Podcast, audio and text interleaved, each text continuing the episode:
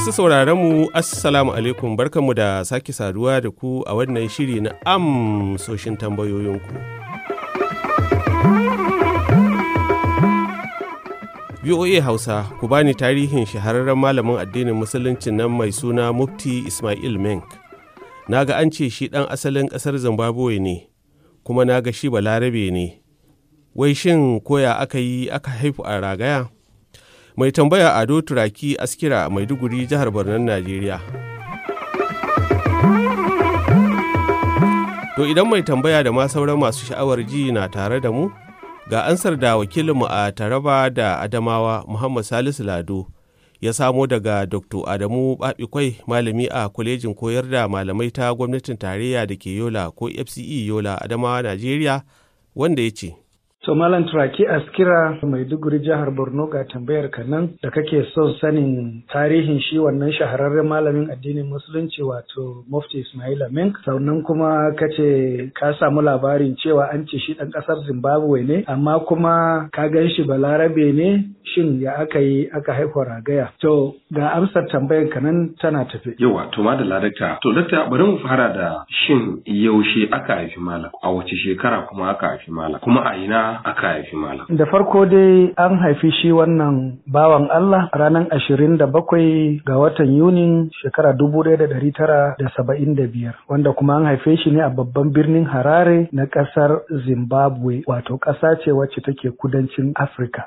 Ba ta nan Afirka tamu ta yamma a kudancin Afirka Zimbabwe take. Sannan kuma mahaifinsa shine Maulana Musa Ibrahim Menk. Yawa to dakta menene cikakken sunan malam?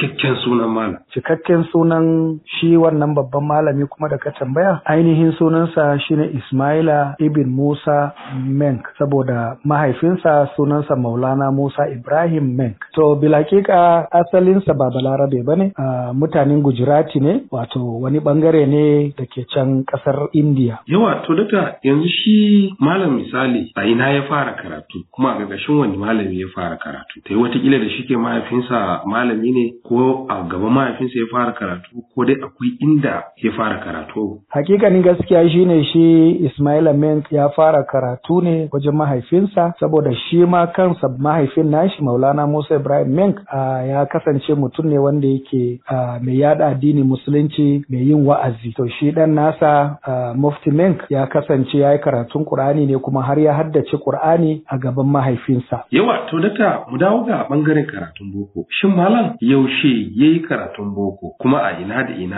ya yi karatun boko kuma yaushe ya fara karatun boko. Ya fara karatunsa na boko a St. John College Harare a nan ya fara karatu sannan daga nan kuma ya tafi ya je karatunsa na zama mufti a can Gujarati wato ya koma asali kenan ya koma gida can India ya je wannan karatun nashi. Daga baya ya je ya karanci abin da ya shafi shari'a a birnin Madina University of Madina ya yi digirinsa na farko sannan digirinsa na biyu da kuma na uku ya zaɗe wato digirin digirgir shi kuma ya yi shi a Riyadh ta ƙasar Saudiya. Wannan kuma ya tabbatar da cewa kenan a daidai ne idan ka kira shi Dr. Ismaila Ibn Musa Menk wato mufti din saboda ya kasance shine babban alkali na ƙasar Zimbabwe. Shi wannan malami ya shahara saboda mai shaharar da ya yi ya shahara ne saboda salon kiransa da yake yi ko salon wa'azinsa da yake yi yana yin sa ne da wata irin baiwa ta musamman yana wa'azi yana murmushi kuma bayan duk maganar da ya zai ce Allah ya shiryar da mu. Da kyau.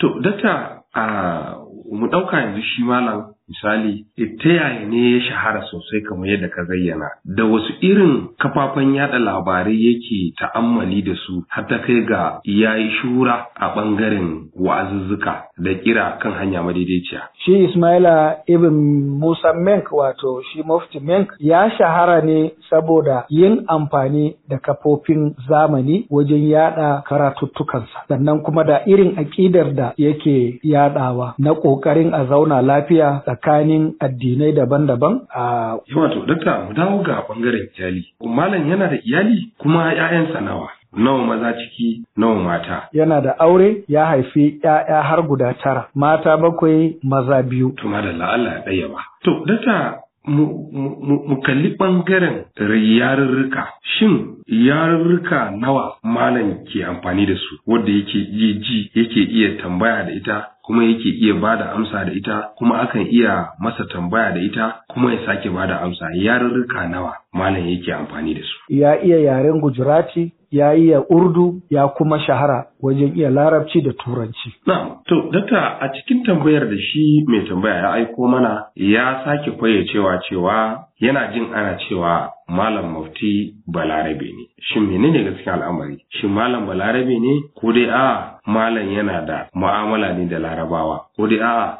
ya koyi harshen larabci ne. Shi ba balarabe ba ne, duk da cewa tambayar ka ka nuna cewa kana tsammani ko an gaya ma cewa shi balarabe ne, ba balarabe ba ne. Wato, kabilar su ita ce ce kabilar Gujarati wacce kuma take India. Salam alaika sayyid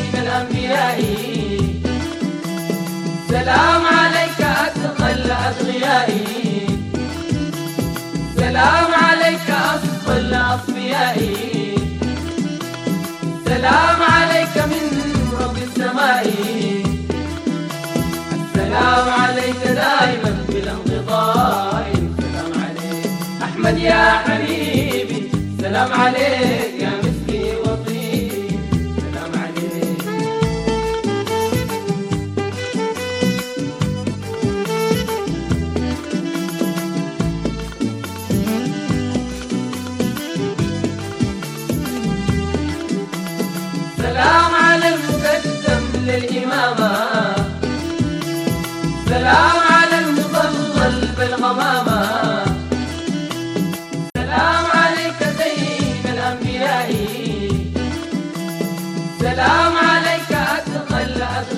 Mofti Menk ya shahara saboda ya yi yana amfani da abin da ake kira a kafar YouTube. Sannan kuma waɗanda suke sauraron wa'azinsa ko wa'azuzzukansa ba musulmai ne kaɗai ba har ma da waɗanda ba musulmai ba saboda sun ce yana da sauƙin kai wajen kuma ga nasibi wajen isar da saƙo na musulunci. Watakila in baka manta ba Mufti Menk ya taɓa shigowa nan ƙasar mu Najeriya. Sannan kuma ya yi yawo ƙasashe daban-daban daban ya taka muhimmiyar rawa wajen sasanta tsakanin addinan da ke Maldives ya yi ruwa da tsaki wajen sasanta tsakanin mazauna Liberia. Mutum ne wanda yake shi a wa'azinsa bai yarda da tsatsauran ra'ayi ba. Ya fi fahimta cewa a yi zaman lafiya saboda ta zaman lafiya ne duk abin da ake so za a yada na musulunci za a yada kuma har wasu ma su yi kwaɗayin wannan addini. Su shigo ciki. Yana cikin manya-manyan mutane ɗari biyar a duniya waɗanda suke da ƙarfin faɗa a ji a ƙarƙashin addinin musulunci. Wannan shahara tasa duk da ƙarancin shekarunsa ya biyo bayan kamar da na faɗa salallamin da yake amfani da su ne zaka ga yana wa'azi yana murmushi kuma kullum yana ƙoƙari ya karantar da a zauna lafiya. A to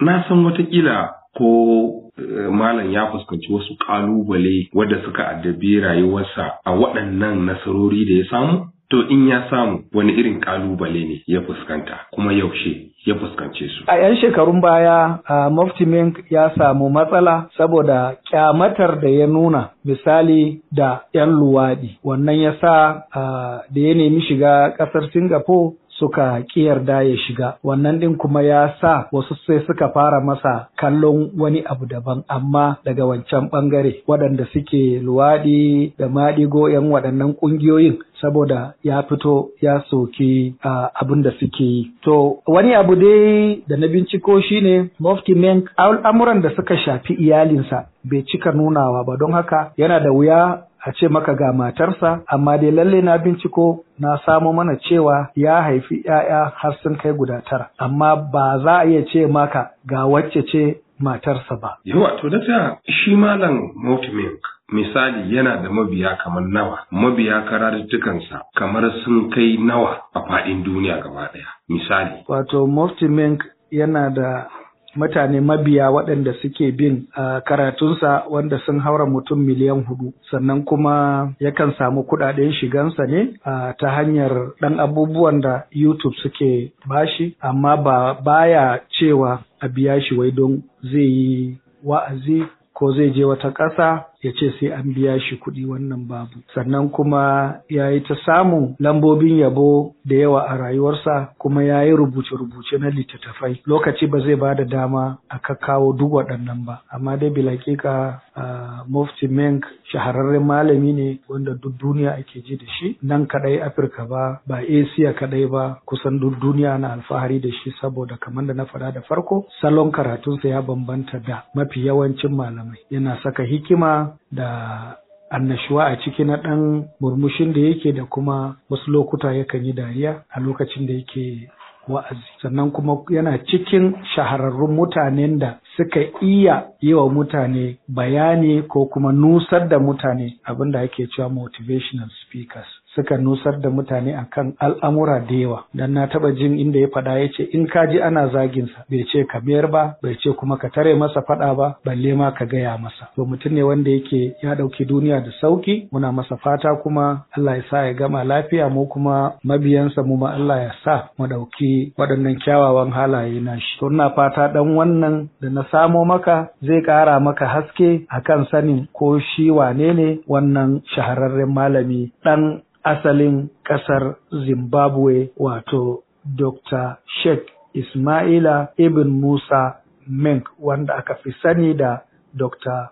Mufti Ismaila Menk da fata ka gamsu da uh, waɗannan bayanan da aka maka. To sai a kasance da mu makon gobe don jin ansoshin wasu tambayoyin.